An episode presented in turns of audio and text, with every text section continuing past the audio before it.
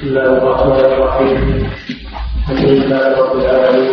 صلى الله وسلم على نبينا محمد وعلى اله وصحبه اجمعين ثم بعد قال الحافظ رحمه الله تعالى وعن عائشه رضي الله عنه قال قال رسول الله صلى الله عليه وسلم يصلي الشفاعه تعالى ويزيد ما شاء الله رواه مسلم وله عنها انها حملت حتى رسول الله صلى الله عليه وسلم يسلم بها قال لا الا ان يجيئني به وله انها ما رايت رسول الله صلى الله عليه وسلم يصلي سكه القتال واني لم احدثها وعن زيد بن ارقم رضي الله عنه ان رسول الله صلى الله عليه وسلم قال ولا تكتبوا في نحية أو في قال رواه الترمذي وعن أنس رضي الله عنه قال قال رسول الله صلى الله عليه وسلم الله كأحد أشركها بنى الله له قصرا من الجنة رواه الترمذي والصحابة وعن أنس رضي الله عنه قال دخل رسول الله صلى الله عليه وسلم بيتي فصلى الضحى فبنى ركعتان بسم الله الرحمن الرحيم الحمد لله رب العالمين صلى الله وسلم على نبينا محمد وعلى اله واصحابه ومن اهتدى بهداه وبعد من النوافل صلاه الضحى والضحى هو الوقت الذي بين طلوع الشمس إلى توسطها في كبد السماء حينما تحاذي حينما تحاذي الرؤوس فإذا زالت دخل وقت الظهر فالفترة ما بين ارتفاع الشمس قيد رمح بعد طلوعها إلى توسطها في كبد السماء هذا يقال له الضحى وإنما قلنا من ارتفاع الشمس وإن كان الضحى يبدأ من طلوع الشمس لأن النبي صلى الله عليه وسلم نهى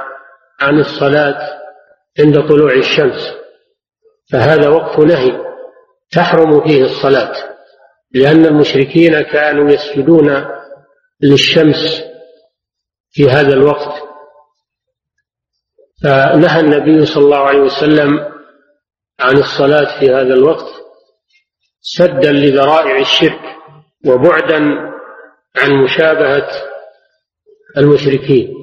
فإذا ارتفعت الشمس قيد رمح زال وقت النهي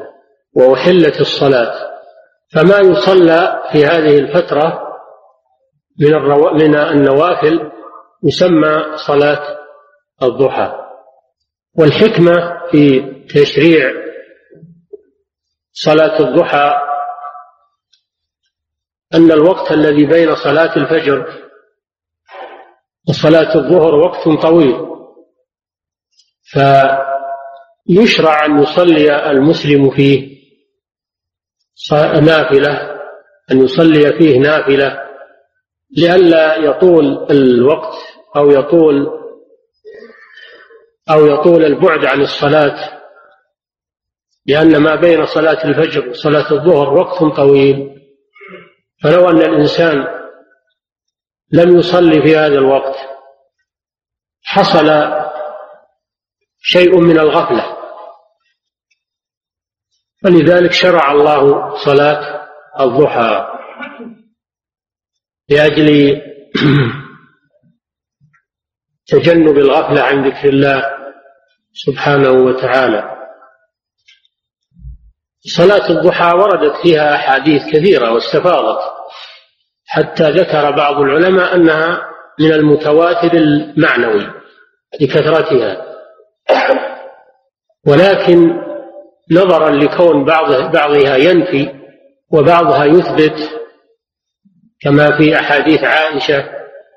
انها تقول لم ترى النبي صلى الله عليه وسلم يسبح الضحى قط ولكنها هي تسبحه ولما سئلت هل كان النبي صلى الله عليه وسلم يصلي الضحى في بيتها قالت لا إلا أن يأتي من مغيب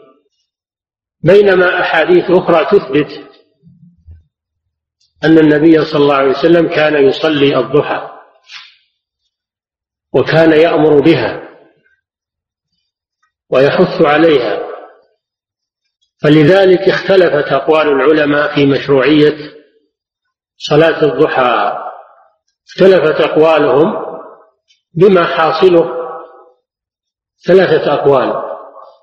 القول الأول أن صلاة الضحى مستحبة مطلقة مستحبة مطلقة للأحاديث الدالة على ذلك من قول النبي صلى الله عليه وسلم وفعله كما يأتي القول الثاني أن صلاة الضحى غير مشروعة ولا مستحبة اعتمادا على أحاديث النفي التي تنفي أن النبي صلى الله عليه وسلم كان يصليها القول الثالث أن صلاة الضحى تشرع لسبب إذا كانت لسبب كأن يأتي من مغيب كما في حديث عائشة أو كما في حديث عتبان بن مالك لما زاره النبي صلى الله عليه وسلم في بيته فطلب منه النبي صلى الله فطلب منه عتبان أن يصلي في مكان من بيته ليصلي فيه هذا سبب وصلى النبي صلى الله عليه وسلم وصلى خلفه جماعة في بيت عتبان بن مالك رضي الله عنه هذا لسبب كذلك عام الفتح عام الفتح لما حصل فتح مكة دخل النبي صلى الله عليه وسلم بيت أم هاني بنت أبي طالب وصلى فيه ثمان ركعات هذا بسبب الفتح صلاة الضحى بسبب الفتح وكذلك من الأسباب إذا لم يقم من الليل إذا لم يقم الإنسان من الليل فإنه يصلي صلاة الضحى يكون هذا من الأسباب أيضا فإذا كان هناك سبب من هذه الأسباب فإنه يصلي الضحى وإلا فلا هذا حاصل الأقوال في هذه المسألة وهناك أقوال أخرى قد ترجع إليها والصحيح أن صلاة الضحى مشروعة وأما أحاديث النفي كما ياتي فانها معارضه باحاديث الاثبات معارضه باحاديث الاثبات والاثبات مقدم على النفي وايضا العبره باقوال الرسول صلى الله عليه وسلم اذا تعارضت الاقوال والافعال يقدم القول حديث القول يقدم على حكايه الفعل قد يتركها صلى الله عليه وسلم لسبب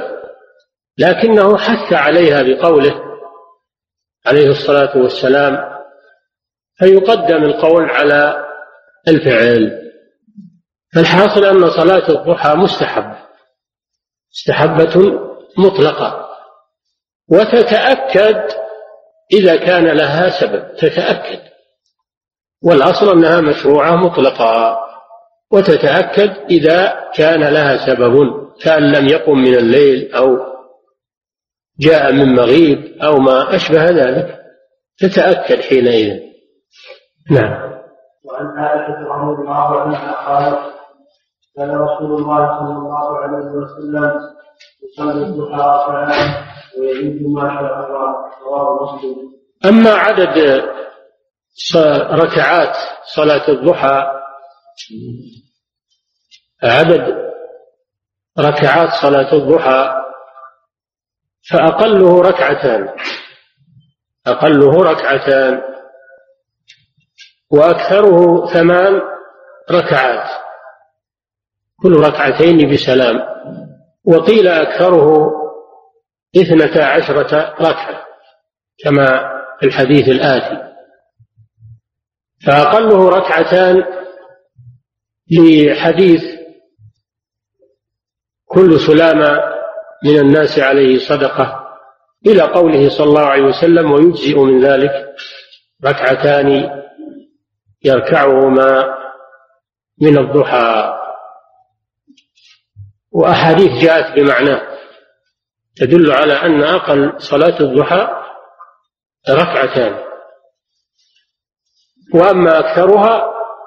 فالصحيح أنه إلى ثمان ركعات كما يأتي وقيل إلى اثنتي عشرة ركعة يسلم من كل ركعتين نعم وله أنها أنها سئلت أذكار رسول الله صلى الله عليه وسلم نعم الحديث الأول وعن عائشة رضي الله عنها قالت كان رسول الله صلى الله عليه وسلم يصلي الضحى ركعة ويريد ما شاء الله هذا فيه مسائل المسألة الأولى فيه إثبات فيه إثبات صلاة الضحى من فعله صلى الله عليه وسلم إثبات إثبات صلاة الضحى من فعله صلى الله عليه وسلم لقولها كان رسول الله صلى الله عليه وسلم صلي الضحى أربعا ويزيد ما شاء الله ففي قولها كان يدل هذا على الاستمرار منه صلى الله عليه وسلم ولكن في في قولها الآتي لم تره يصلي الضحى فنفت كونه يصلي الضحى وهنا تقول كان يصلي الضحى فالجمع بينهما أنه صلى الله عليه وسلم كان يصلي الضحى ولكن لم يكن يداوم عليها بل كان يتركها أحيانا فالنفي ليس مسلطا على الأصل وإنما هو لنفي الاستمرار والمداومة ولا شك أن الجمع بين الأحاديث مهما أمكن إنه واجب فيكون نفيها نفيا للمداومة وإثباتها إثباتا لأصل الفعل نعم المسألة الثانية فيه بيان عدد آه، صلاة الظهر أنه كان يصلي أربعا يعني كل ركعتين بسلام ويزيد ما شاء الله فدل على أن صلاة الضحى تجوز الزيادة فيها على الأربع إلى ثمان إلى اثنتي عشرة ركعة ما شاء الله وأنه لا لا حجر في الزيادة نعم وله عنها أنها سئلت هل كان رسول الله صلى الله عليه وسلم يصلي الضحى قالت لا إلا أن يجد من مغيبه هذا الحديث يدل على أنه صلى الله عليه وسلم لم يكن يصلي الضحى إلا لسبب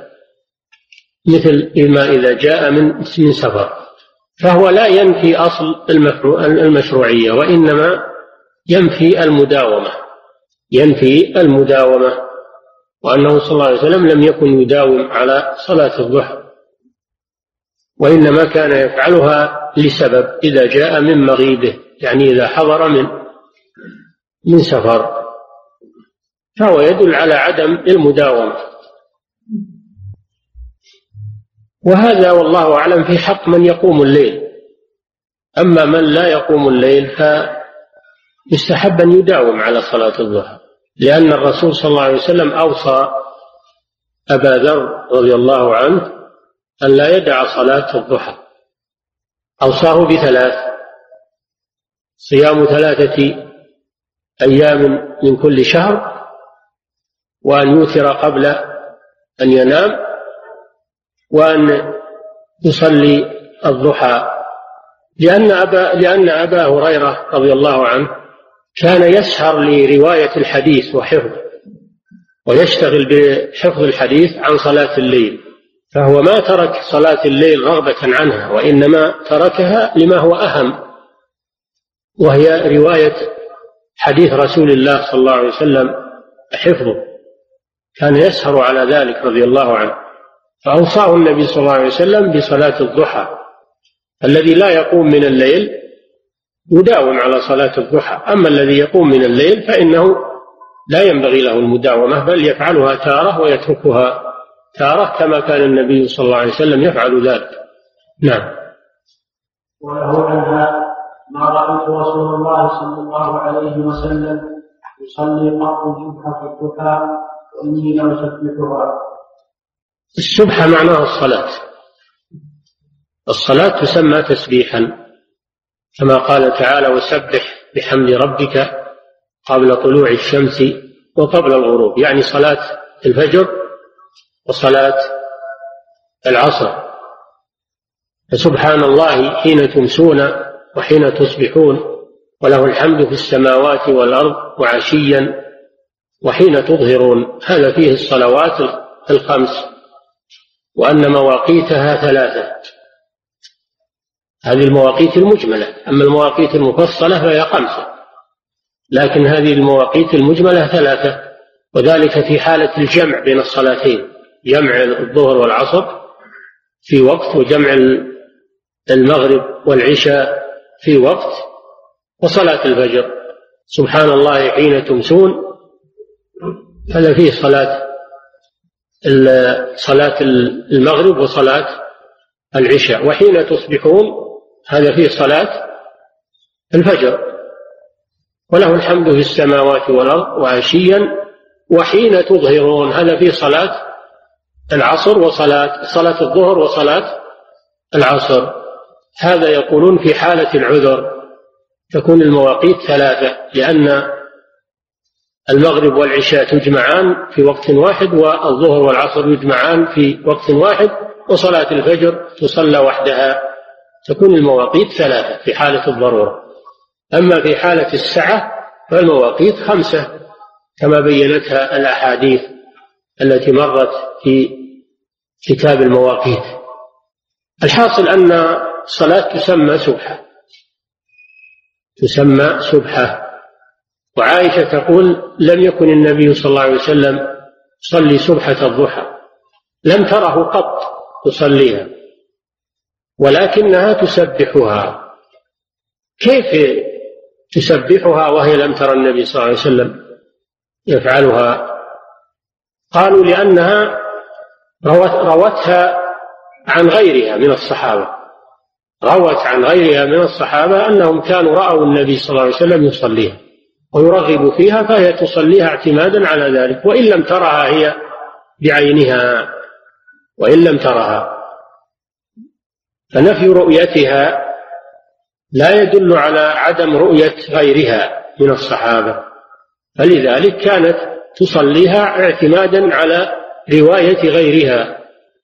نعم وليس المعنى أن الرسول كان يتركها مطلقا ليس كذلك لكن هي نفت رؤيتها هي فقط ولم تنفي رؤية غيرها ولذلك ولذلك كانت تسبحها أي تصليها نعم وعن زيد بن أرقم رضي الله عنه أن رسول الله صلى الله عليه وسلم قال صلاة الأوابين حين ترمض الفصال رواه الترمذي صلاة الأوابين حين ترمض الفصال قلنا إن وقت صلاة الضحى يمتد من ارتفاع الشمس قيل رمح إلى قيامها وتوسطها في كبد السماء وكل ما تأخرت فهو أفضل كل ما تأخرت فهو أفضل بدليل هذا الحديث صلاة الأوابين جمع أواب والأواب الرجاع من الأوب وهو الرجوع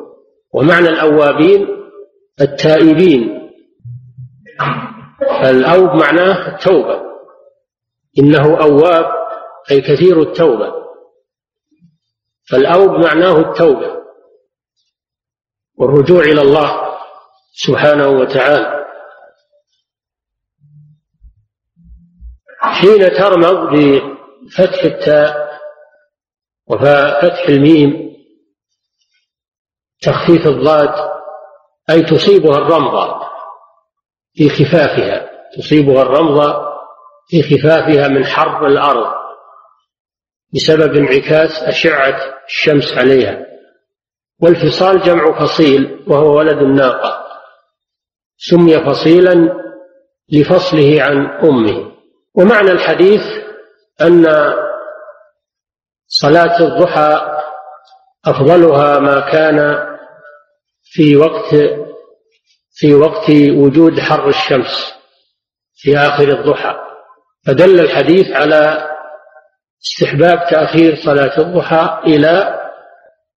أن تبدأ الرمضاء من آخر الضحى وإن صلاها قبل ذلك صحت و وفيها ثواب ولكن كل ما تأخرت فهو أفضل حين ترمض الفصال نعم وعن انس رضي الله عنه قال قال رسول الله صلى الله عليه وسلم من صلى الصبح عشرة ركعة لما الله له قصرا في الجنة رواه الترمذي واستغربه استغربه يعني قال إنه غريب الحديث الغريب من فرد بروايته واحد هذا الغريب من فرد بروايته واحد والحديث أيضا مع أنه غريب فهو ضعيف أن في روايته راويا ضعيفا كما بين ذلك علماء الحديث الحديث غريب وضعيف وهو يدل على أن أكثر صلاة الضحى اثنتي اثنتا عشرة ركعة ولكن الأحاديث التي هي أصح منه تدل على أن أكثر على أن أكثرها ثمان ركعات يعني أصح منه أكثر ما صح في عدد صلاة الضحى أنه أنها ثمان ركعات كما في حديث أم هانئ في حديث عائشة الآتي أنها ثمان ركعات هذا أكثر ما صح في عدد صلاة الضحى ومعنى بنى الله له قصرا في الجنة هذا ثواب عظيم يدل على فضل صلاة الضحى ويدل على أن الجنة قصور على أن الجنة قصور وبساتين وأنهار مساكن نعم وعن عائشة رضي الله عنها قالت دخل رسول الله صلى الله عليه وسلم بيتي صلى الضحى ثمان ركعات رواه ابن في صحيحه نعم هذا أصح من الحديث الذي قبله في أن أكثر صلاة الضحى ثمان ركعات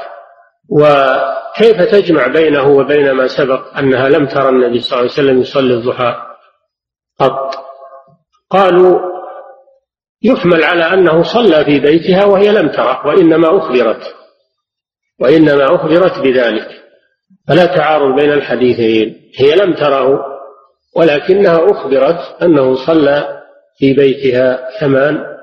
ركعات نعم باب صلاة الجماعة والإمامة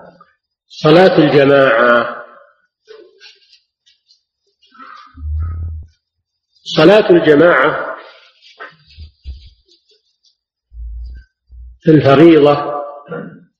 وفي بعض النوافل كصلاة الاستسقاء والكسوف صلاة التراويح وصلاة العيد عند من يرى أنها سنة الجماعة تشرع الجماعة تشرع في الفريضة الصلوات الخمس وتشرع أيضا في بعض النوافل في المساجد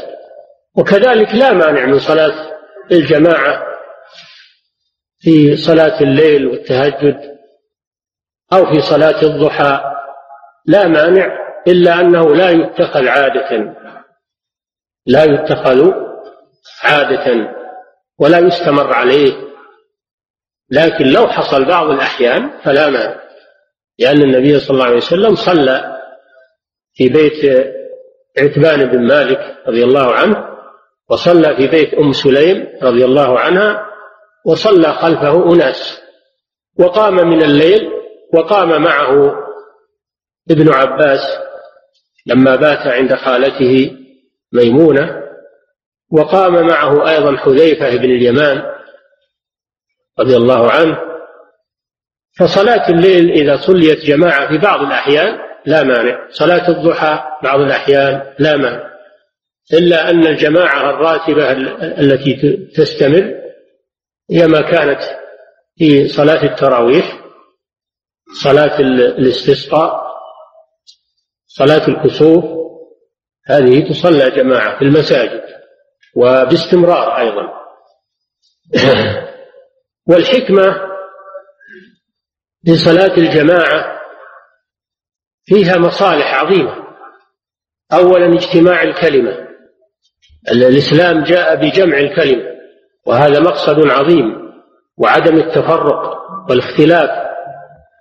فإن صلاة الجماعة تدريب على جمع الكلمة وتوافق القلوب والمشاركة في الدعاء فإن دعاء المسلمين إذا كان دعاء في جماعة يشترك في ثوابه الحاضرون وقد يكون في الحاضرين أناس صالحون فينفع الله بدعائهم من حضر من حضر معهم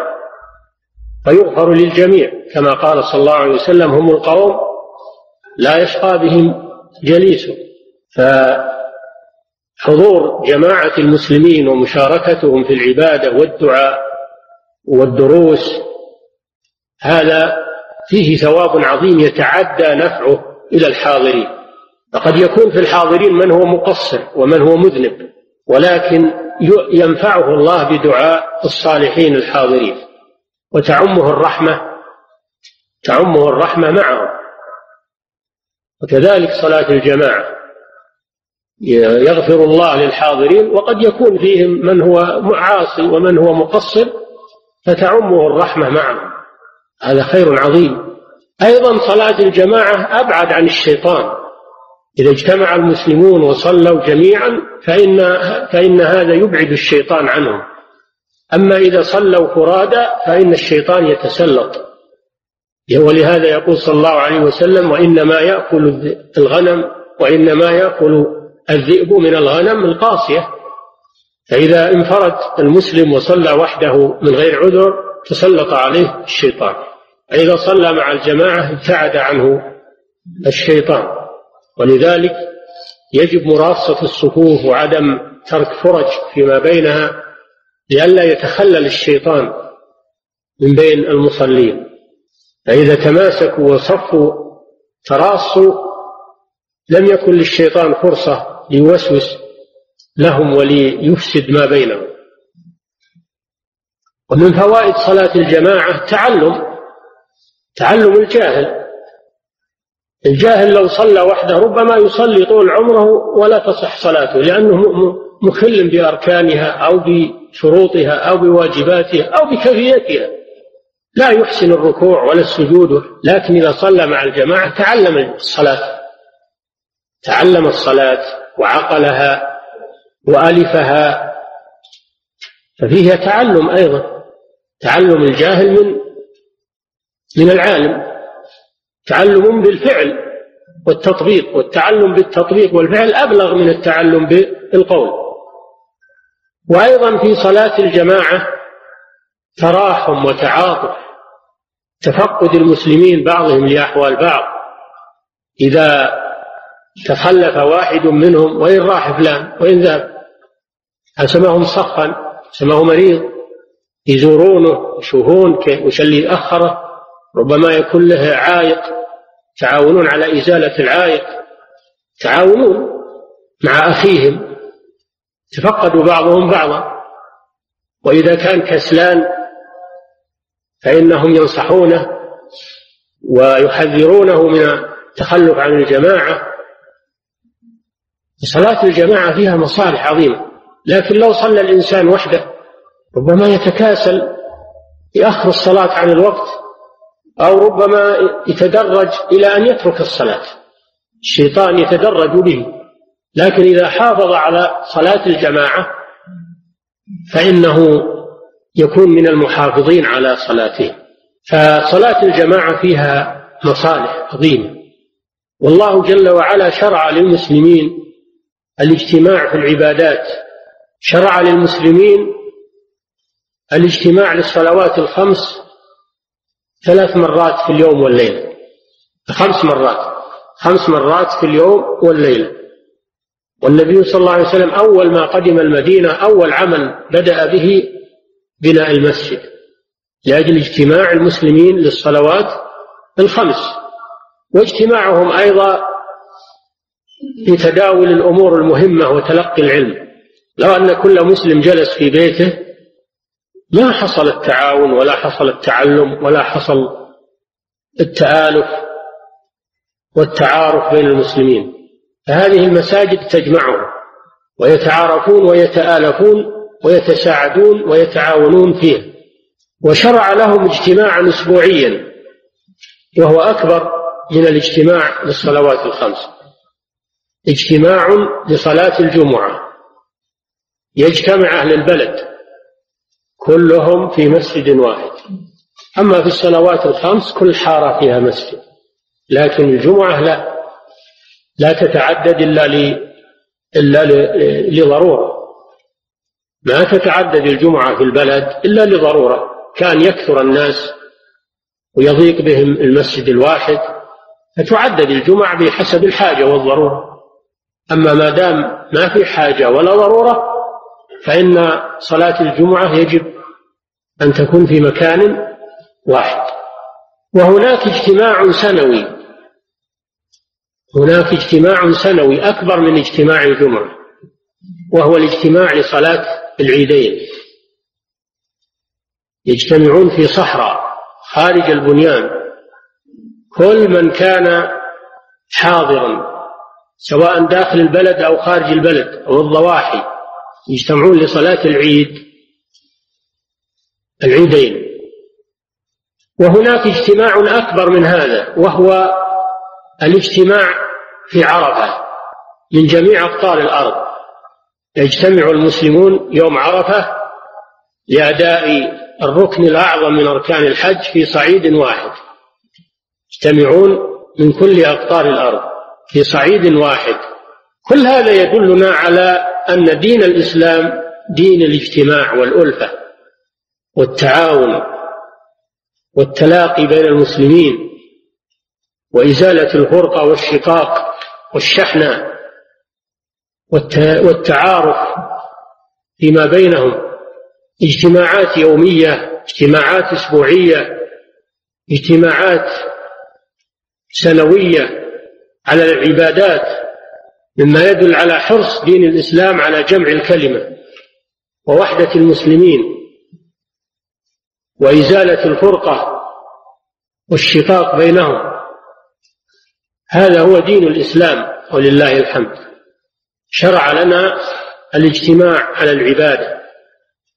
للصلوات الخمس وغيرها مما ذكر نعم عبد الله بن عمرو عن عبد الله بن عمر رضي الله عنهما أن رسول الله صلى الله عليه وسلم قال صلاة الجماعة أفضل من صلاة الفجر بسبع وعشرين درجة متفق عليه وله عن أبي هريرة رضي الله عنه بخمس وعشرين جزءا وقال البخاري عن أبي سعيد وقال درجة وعن أبي هريرة رضي الله عنه أن رسول الله صلى الله عليه وسلم قال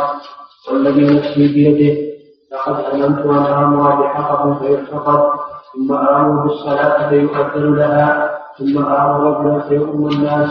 ثم قال بسم الله بان لا يحتجب الصلاه فاحرق فاحرق عليهم حرق او حرق عليهم بيوتهم والذي نفسي بيده لو يعلم احدهم انه يجد عرقا سمينا عرقا سمينا او مرتين حسنتين لشهد العشاء متفق عليه واللفظ للبخاري وعنه رضي الله عنه قال قال رسول الله صلى الله عليه وسلم أكثر الصلاة عن المنافقين صلاة العشاء وصلاة الفجر ولا يعلمون ما فيهما لا فيهما ولا خجوا متفق عليه وعنه قال أتى النبي صلى الله عليه وسلم رجل أعمى فقال يا رسول الله إنه ليس لي صاحب يخرجني إلى المسجد فرخص له فلما ولا دعا فقال هل تسمع النداء في الصلاة؟ قال نعم قال فأجب رواه مسلم عن ابن عباس عن النبي صلى الله عليه وسلم قال من سمع النداء فلم يأت فلا صلاة له إلا من عذر رواه ابن ماجه والدارقطني ماجه رواه ابن ماجه ابن ماجه بالهاء دائما ما ما فيه تاء هذا غلط اللي يقول ابن ماجه هذا غلط ابن ماجه بالهاء نعم رواه ابن ماجه والدارقطني وابن والحاكم نعم زاده على شرط مسلم لا رجح بعض الموقف وعن يزيد بن الاسود انه صلى معه يزيد يزيد ممنوع من الصبر وعن يزيد بن الاسود انه صلى مع رسول الله صلى الله عليه وسلم صلاه الصبح فلما صلى رسول الله إذا هو برجل برجلين لم يصليا فدعا بهما فجيء بهما فرغب فرأسهما وقال لهما ما منعكما أن تصليا معنا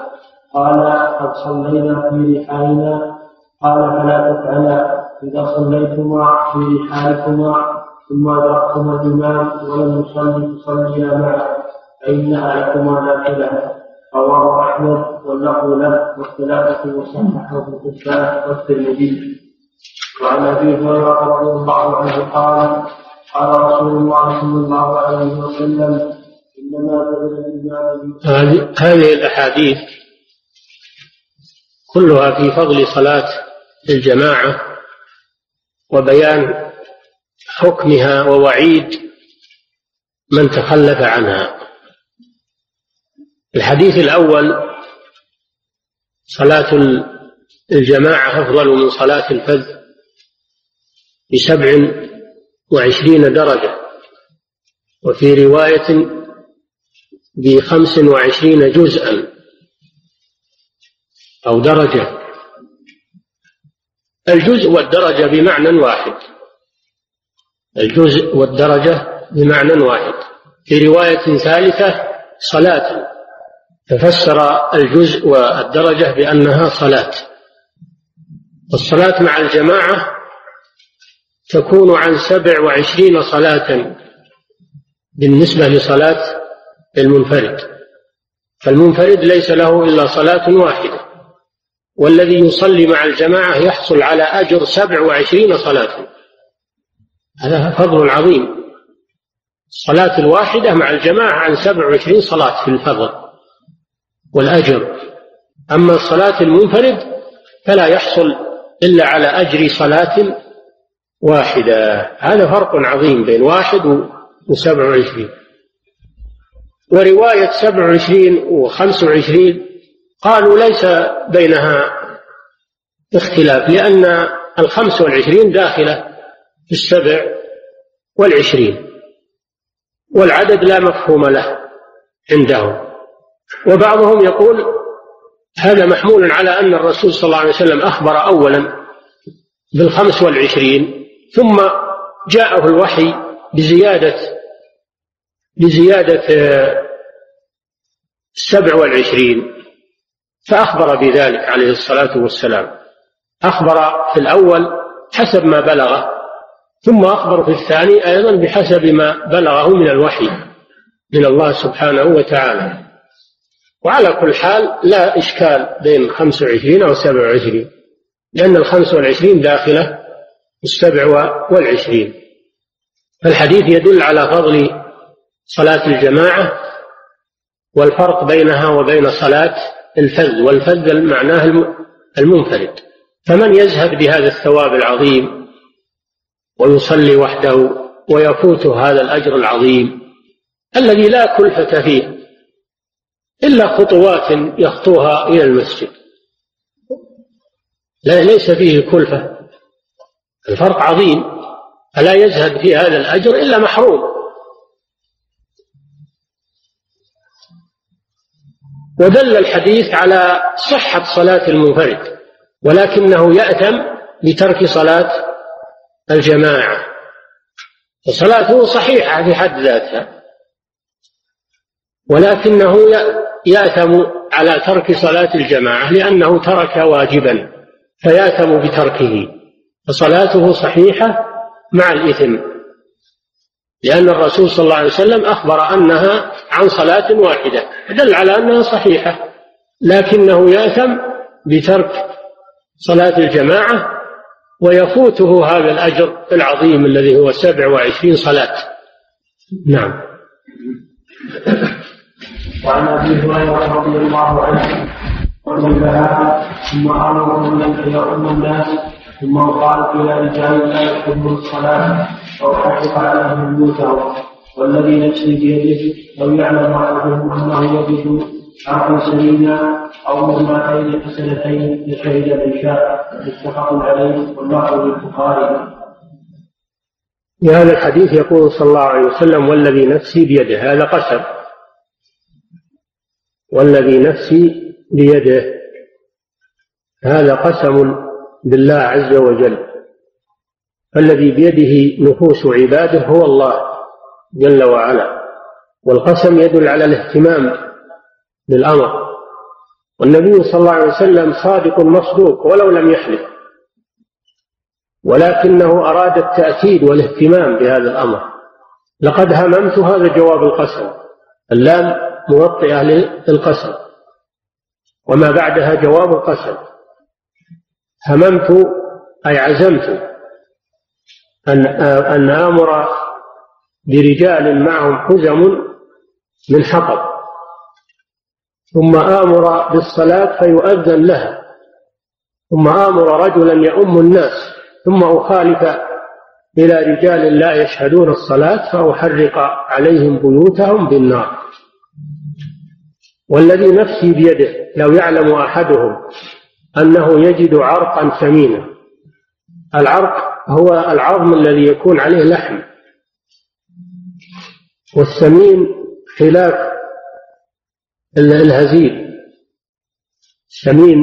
يكون مرغوبا فيه خلاف الهزيل إنه لا يرغب فيه أو مرماتين المرمات المرماتين تثنية مرمات وهي ما بين الضلعين من اللحم أو مرماتين حسنتين يعني جيدتين والمعنى أن هؤلاء المتخلفين لو يعلم أحدهم أنه يجد طمعا من الدنيا ولو كان قليلا كالعرق أو في المرماتين لحضر لأنهم لأنهم يحبون الدنيا يؤثرون الدنيا على الآخرة لكن لما كان الأمر أن حضور صلاة الجماعة القصد منها الحصول على الثواب الأخروي وهم إما أنهم لا يؤمنون بالآخرة كالمنافقين أو أن إيمانهم بالآخرة ضعيف كالمؤمنين ضعاف الإيمان السبب الذي أخرهم هو ضعف الإيمان فيهم أو عدم أو عدم الإيمان أما الذي يؤمن بالله ورسوله ويصدق بوعد الله إنه لا يتخلف عن صلاة الجماعة غير عذر فدل على خسة مطامع هؤلاء وأنهم يؤثرون الحياة الدنيا على الآخرة فلو علم أحدهم أنه يحصل على طمع من مطامع الدنيا لحضر وحرص ولكن لما كان الأمر ثواب أخروي آجل فإنهم إما أنهم لا يؤمنون بذلك أو إيمانهم به ضعيف لا يحثهم على الحضور وهم يؤثرون العاجل على الآجل وقوله لا أحرق ثم أحرق عليهم بيوتهم بالنار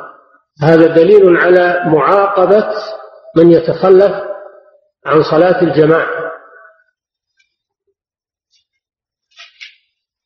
وأنه لا يترك وفيه دليل على أن إمام المسجد وولي الأمر يتفقد الجماعة ولا يغفل عنهم هذا من مسؤوليته وفيه دليل على أنه يجوز التخلف عن صلاة الجماعة لقصد إنكار المنكر إذا علم أن هناك منكر وإذا ترك يفوت فإن للمحتسب أن يتابع إنكار المنكر ولو تخلف عن صلاة الجماعة لأن النبي صلى الله عليه وسلم أمر أن تقام الصلاة وتخلف هو وذهب إلى بيوت المتخلفين فدل على أن هذا عذر في ترك صلاة الجماعة من أجل إزالة المنكر إذا إذا توقف إزالته على هذا الإجراء أما إذا كان يمكن أن يزال في وقت آخر فلا ما تترك صلاة الجماعة ودل على على عقوبة تارك الصلاة بإتلاف بإتلاف المال لأن البيوت أموال وأمر النبي صلى الله عليه وسلم أو أراد النبي صلى الله عليه وسلم أن يحرقها هذا فيه إتلاف مال فدل على جواز العقوبة بإتلاف المال وهي مسألة اختلافية وما يسمونها التعزير بإتلاف المال مسألة خلافية وهذا الحديث دليل على مشروعيته وفيه دليل على أن أمكنة الفساد التي يجتمع فيها الفسقة أنها تتلف فالأماكن والبيوت التي تكون تجمعات لأهل الفساد أن ولي الأمر يتلفها فيهدم هذه البيوت أو هذه المحلات تنكيلا بأهلها وإزالة لأمكنة الفساد كل هذه الأمور تؤخذ من هذا الحديث الشريف والمسألة المهمة في هذا الحديث أن صلاة الجماعة واجبة دل الحديث على أن صلاة الجماعة واجبة على الأعيان واجبة على الأعيان يعني على كل فرد لأن النبي صلى الله عليه وسلم أهم بعقوبتهم والعقوبة لا تكون إلا على ترك واجب وأنها فرض عين إذ لو كانت فرض كفاية لكفت صلاة الجماعة عن هؤلاء فدل على أنها فرض عين وليست فرض كفاية وقد اختلف العلماء رحمهم الله في حكم صلاة الجماعة على أقوال القول الأول أنها فرض عين على كل مسلم من الرجال خاص على كل مسلم من الرجال البالغين القادرين على الحضور فهي فرض عين في حقهم لأن الرسول صلى الله عليه وسلم هم بعقوبة هؤلاء والعقوبة لا تكون إلا على واجب ولو كانت فرض كفاية لكفت صلاة المسلمين عن هؤلاء يعني صلاة الجماعة يسقطها فرض الكفاية يسقطه فعل البعض وهؤلاء لم يسقط عنهم فدل على أنها فرض أنها فرض عين هذا القول الأول وهو القول الصحيح القول الثاني أنها فرض كفاية أن صلاة الجماعة فرض كفاية بدليل الحديث الأول أن الرسول صلى الله عليه وسلم قال صلاة الجماعة تفضل على صلاة الفجر بسبع وعشرين درجة فدل على أنها ليست واجبة على الأعيان وإنما هي واجبة على الكفاية بمعنى أنه يسقط الوجوب فعل البعض والقول الثالث أنها سنة أن صلاة الجماعة سنة كما هو مذهب الشافعي وأبي حنيفة ومالك فيما نسب إليهم فيما نسب إليهم الله أعلم بالتحقيق لكن نسبوا هذا إليهم مستدلين بالحديث الأول صلاة الجماعة تفضل على صلاة الفجر الرسول لم يذكر إلا الأفضلية فدل على أن صلاة الجماعة غير واجبة وإنما هي مستحبة لأن الرسول صلى الله عليه وسلم ذكر فضلها فقط طيب والأحاديث اللي بعده تدل على الوجوب وذكر الأفضلية لا ينافي الوجوب الجواب أن ذكر الأفضلية لا ينافي الوجوب لا تعارض بين الحديثين فالصحيح ما ذهب إليه الأولون أنها قرض عين على كل مسلم بالغ غير معذور واختلف القائلون بالوجوب هل هي هل صلاة الجماعة شرط لصحة الصلاة أو هي واجبة وليست بشرط جمهورهم على أنها واجبة وليست بشرط وذهب طائفة منهم إلى أنها شرط لصحة الصلاة فلو صلى منفردا بغير عذر لم تصح صلاته وهذا مذهب الظاهرية اختاره شيخ الإسلام ابن تيمية أن صلاة الجماعة مع القدرة شرط لصحة الصلاة فلو صلى منفردا بدون عذر لم تصح صلاته بدليل الحديث الآتي من سمع النداء فلم يجب فلا صلاة له إلا من عذر والنفي يكون في الأصل أن أصل النفي أن يكون للحقيقة فدل على بطلان صلاة من صلى منفردا ولكن القول القول بأنها واجبة وليست شرطا هذا أصح لأن في الأحاديث ما يدل على أن صلاة الفرد صحيحة لكنه يكون تاركا لواجب يأتم بتركه ويستحق العقوبة أما من قال إنها سنة فقوله مرجوح بلا شك الرسول صلى الله عليه وسلم هام بتحريق بيوت المتخلفين ولا يكون هذا إلا لأنهم تركوا واجبا لم يتركوا سنة الذي يترك السنة لا يعاقب وإنما يعاقب من ترك واجبا ثانيا أن الرسول صلى الله عليه وسلم وصف المتخلفين عنها بالنفاق كما قال في الحديث الآتي أثقل الصلاة على المنافقين وتارك الواجب تارك السنة لا يوصف بالنفاق إنما يوصف بالنفاق من ترك واجبا أيضا الله أوجب صلاة الجماعة في في أحرج المواقف في صلاة الخوف وقت مقابلة العدو المسلح لم تسقط صلاة الجماعة قال تعالى وإذا كنت فيهم فأقمت لهم الصلاة فلتقم طائفة منهم معك وليأخذوا أسلحتهم فإذا سجدوا فليكونوا من ورائكم ولتأتي طائفة أخرى لم يصلوا فليصلوا معك وليأخذوا حذرهم وأسلحتهم ود الذين كفروا لو تأكلون عن أسلحتكم وأمتعتكم فيميلون عليكم ميلة واحدة فأمر بصلاة الجماعة في حالة الخوف ومقابلة العدو وحمل السلاح فوجوبها في حالة الأمن من باب أولى في حين أن صلاة الخوف تسامح الله جل وعلا فيها عن أشياء كثيرة المشي أثناء الصلاة واستقبال غير القبلة وغير ذلك من الأفعال التي لا تجوز في غير حالة الخوف فلولا أن صلاة الجماعة واجبة لما تسومح عن هذه الأفعال أثناء الصلاة ولم تسقط صلاة الجماعة فلا آه، شك أن أن القائلين بوجوب صلاة الجماعة أن الحق معهم وأما من قال إنها سنة فقوله مرجوح وحديث صلاة الجماعة أفضل من صلاة الفجر لا يدل على عدم الوجوب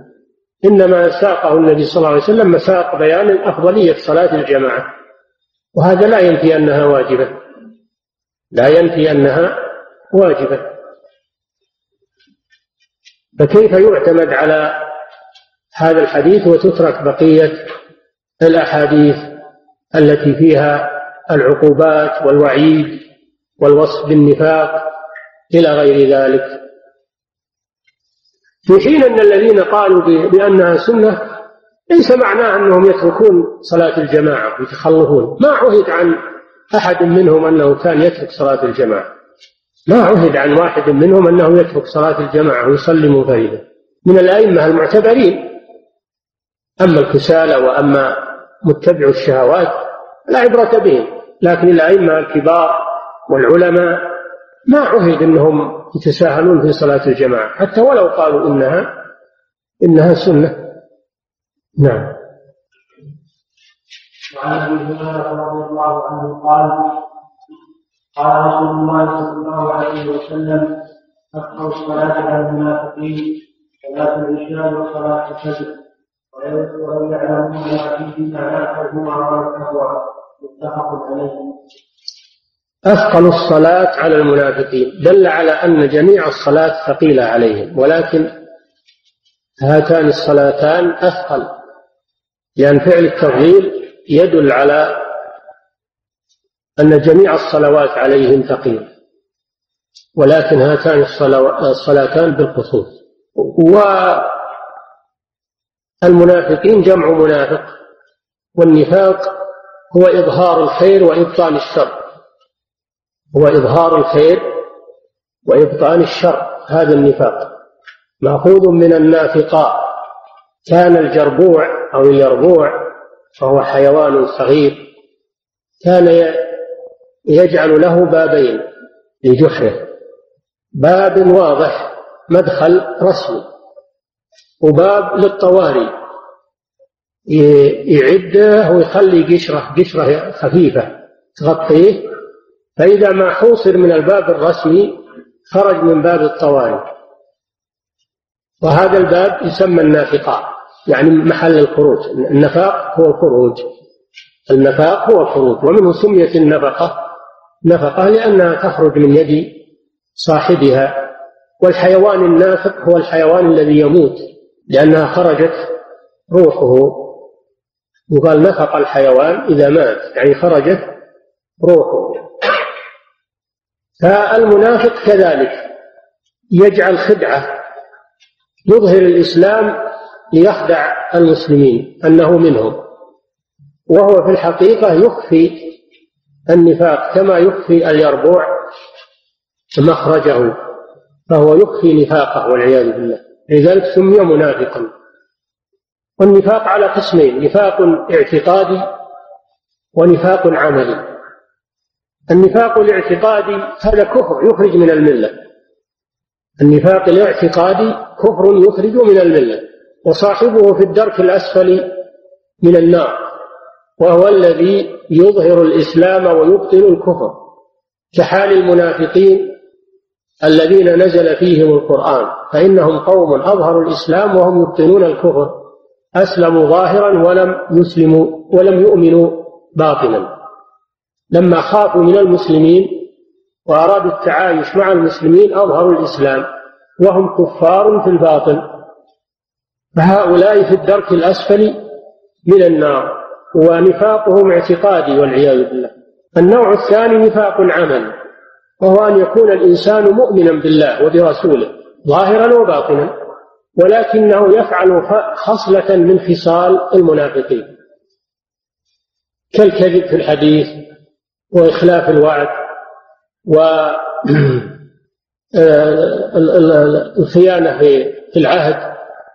آية المنافق ثلاث إذا حدث كذب وإذا وعد أخلف وإذا اؤتمن خان وإذا خاصم فجر وإذا عاهد غدر هذا نفاق عملي لا يخرج صاحبه من الملة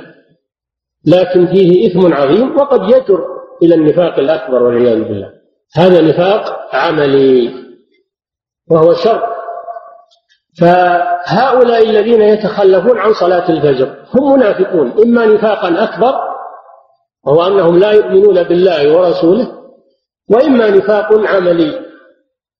بأن يتعاطوا شيئا من صفات المنافقين ويوافقون المنافقين وهذا فسق ومعصية وخطر عظيم على المسلم فالمسلم قد يكون فيه إيمان ويكون فيه نفاق فإن غلب الإيمان فهو مع المؤمنين وإن غلب النفاق فهو مع المنافقين والعياذ بالله الحاصل أن النفاق كله شر اعتقاديه وعمليه نسأل الله العافية نعم اللهم صل محمد نعم يكفي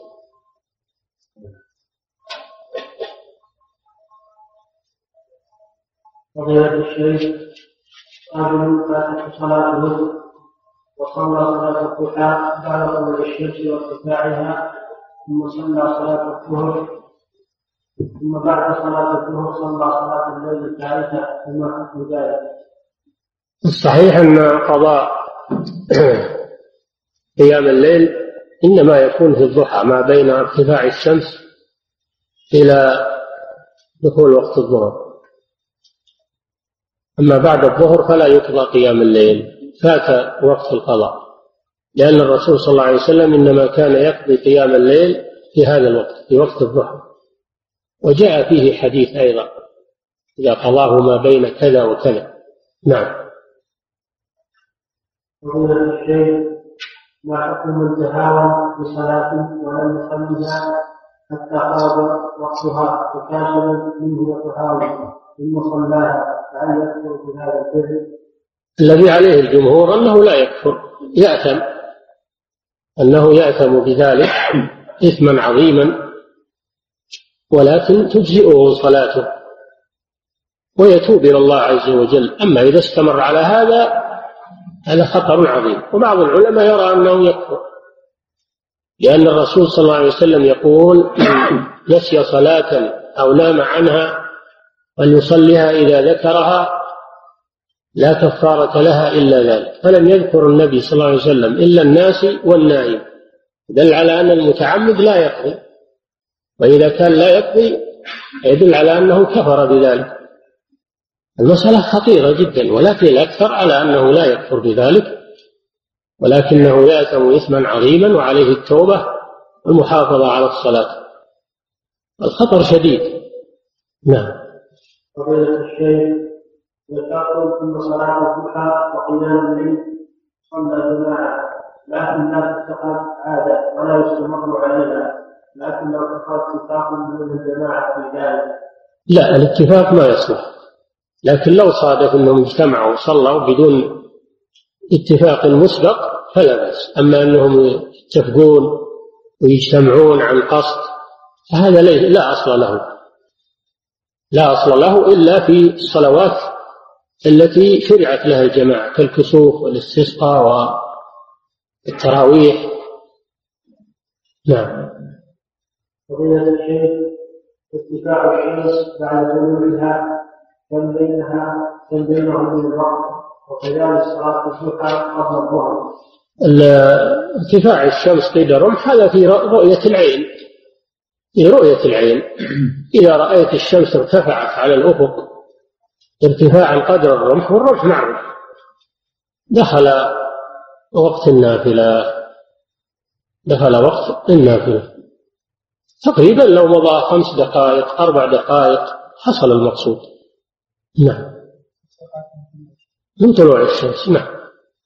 خمس دقائق كثيرة نعم هو وقت صلاة الضحى يبدأ من هذا لا فرق بين صلاة الضحى وصلاة الأشراق اللي يقولون هي صلاة الضحى نعم فضيلة الشيخ كيف تكون صلاة المقيم بالمسافر وصلاة المسافر بالمقيم وهل كنت مسافرا ثم وصلت بلد المراد هل يجب علي ان احضر الجماعة؟ نعم إذا كان إمام اعتحد وستصلي وحدك منفردا فلا يجوز لك ذلك تحضر الجماعة وتصلي تماما تتم معهم الصلاة فالمسافر إذا صلى خلف مقيم يلزمه الإتمام قوله صلى الله عليه وسلم إنما جعل الإمام ليتم به فلا تختلفوا عليه فمن اهتم بمقيم وجب عليه الإتمام أما العكس هو إذا صلى المسافر بمقيمين فالمسافر يقصر فإذا سلم يقومون ويتمون صلاتهم بفعل النبي صلى الله عليه وسلم في غزوة الفتح صلى بأهل مكة وقال يا أهل مكة إنا قوم سهوا فأتموا بأنفسكم نعم ومن الشيخ هل يجوز صلاة عندما يبقى على صلاة الفجر دقيقة ويدخل الرجل في وقت الفجر مر بكم في الأحاديث إذا طلع الفجر فلا وتر الفجر ينتهي بطلوع الفجر فإذا طلع الفجر انتهى وقت الوتر ولكن يقضيه من الضحى كما سبق نعم يجوز القضاء صلاة الضحى وقضاء صلاة الضحى هي تكفي عن قضاء الوتر تصلي ما تيسر من الضحى شفعا ويكفي عن عن الوتر تصلي من الضحى ما تيسر ويكفي عن صلاة الوتر لكن تصليه شفعا نعم فضيلة الشيخ في حالة صلاة الخوف من الآلات أن أتعذر من أصل أتعذر أصلي من شدة الخوف فيصلي الرابعهما عند خشية فوات الجماعة فعن المنزل العادة على صلتها الصحيحة إذا اشتد الخوف قال الله تعالى فإن خفتم فرجالا أو ركبانا إذا اشتد الخوف تصلي على أي صفة تستطيعها ماشيا أو راكبا أو راكضا أو على حسب أو متجه إلى القبلة أو غير متجه إلى القبلة هذا إذا اشتد الخوف فإن خفتم فرجالا أو ركبانا هذا في حالة شدة الخوف نعم صلي على حسب حالك وحسب ما تستطيع ولو بالإيماء ولو بالإيماء الركوع والسجود نعم فضيلة الشيخ كنت صائما وقفت على طعام فيه لحم ولا أعرف هل هذا لحم جزور أم فهل هذا اللحم ينقض الوضوء؟ إذا لم تعرف فالأصل هو الطهاره الأصل الطهارة ولهذا يقول الفقهاء من تيقن الطهارة وشك في الحدث فإنه طاهر بناء على الأصل وهذا مأخوذ من قوله صلى الله عليه وسلم آه، إذا وجد أحدكم في بطنه شيئا فأشكل عليه هل خرج منه شيء أو لا فلا ينصرف حتى يسمع صوتا أو يجد ريحا فالشك لا يبطل الطهارة فإذا شككت في هذا اللحم هل هو ناقض للوضوء أو غير ناقض فالأصل الطهارة ولله الحمد نعم فضيلة الشيخ من صام رمضان مع أهل بلد ممن تقدمت رؤيته من بلاد وفي آخر رمضان سافر إلى بلد آخر تأخر عنه تأخر رؤيته من بلاد فصار الفرق بين البلدين يومين وهذه اليومان زائدة على الثلاثين بالنسبة له فماذا يفعل أن يصوم معه أم يفطر؟ الأصل أنه حكم البلد الذي هو فيه فإذا صام في بلد وذهب إلى بلد آخر قبل تمام الشهر في البلد الذي صام فيه فإنه يكون حكمه حكم البلد الذي ذهب إليه في نهاية الشهر يتابعهم ولا يقتل تابع البلد الذي هو فيه نعم لقوله صلى الله عليه وسلم صومكم يوم تصومون وفطركم يوم تفطرون الإنسان لا يشد عن الجماعة حكم حكم الجماعة الذي هو بينهم لا يشد عنهم نعم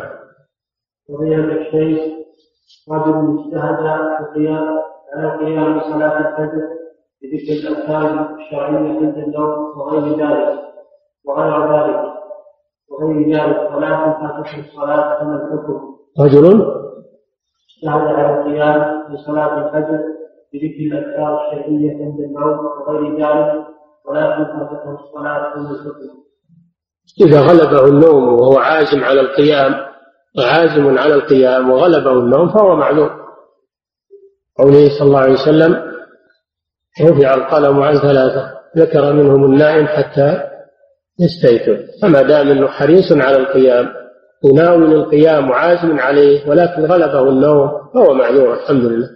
الرسول صلى الله عليه وسلم نعم في بعض الغزوات ولم يوقظهم إلا حر الشمس ولم يصلوا الفجر إلا بعد أن استيقظوا من الضحى هذا عذر الله جل وعلا لا يكلف نفسا إلا وسعها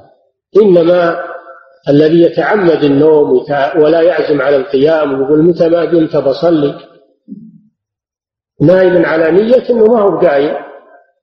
للفجر وانما اذا اذا قام يصلي اي وقت هذا لا يجوز له هذا حرام عليه نعم فضيلة الشيخ هل حصل من احد الصحابة رضوان الله عليهم نفاق عملي؟ الصحابة رضي الله عنهم كلهم عدول أثنى الله عليهم وزكاهم ومدحهم ووعدهم بالأجر العظيم وحقهم علينا محبتهم والثناء عليهم وعدم التعرض لذمهم أو ذم أحد منهم رضي الله عنهم وأرضاه والذين جاءوا من بعدهم يقولون ربنا اغفر لنا ولإخواننا الذين سبقونا بالإيمان ولا تجعل في قلوبنا غلا للذين آمنوا ربنا إنك رؤوف رحيم يجب أن نحترم صحابة نبينا وأن نجلهم ونعظمهم ولا نبحث في شيء يعيبهم لأن ما لهم من الفضل وما لهم من السبق وما لهم من الصحبة مع الرسول صلى الله عليه وسلم وما لهم من الجهاد يغطي ما قد يحصل أو إن إن حصل من بعضهم من شيء من الخطأ مع أنهم رضي الله عنهم في جملتهم معصومون جملة الصحابة معصومة من الخطأ أما أفرادهم فالله أعلم لكن ما نبحث عن هذه الأمور ولا نسأل عنها بل نعمل بقوله تعالى ربنا اغفر لنا ولإخواننا الذين سبقونا بالإيمان ولا تجد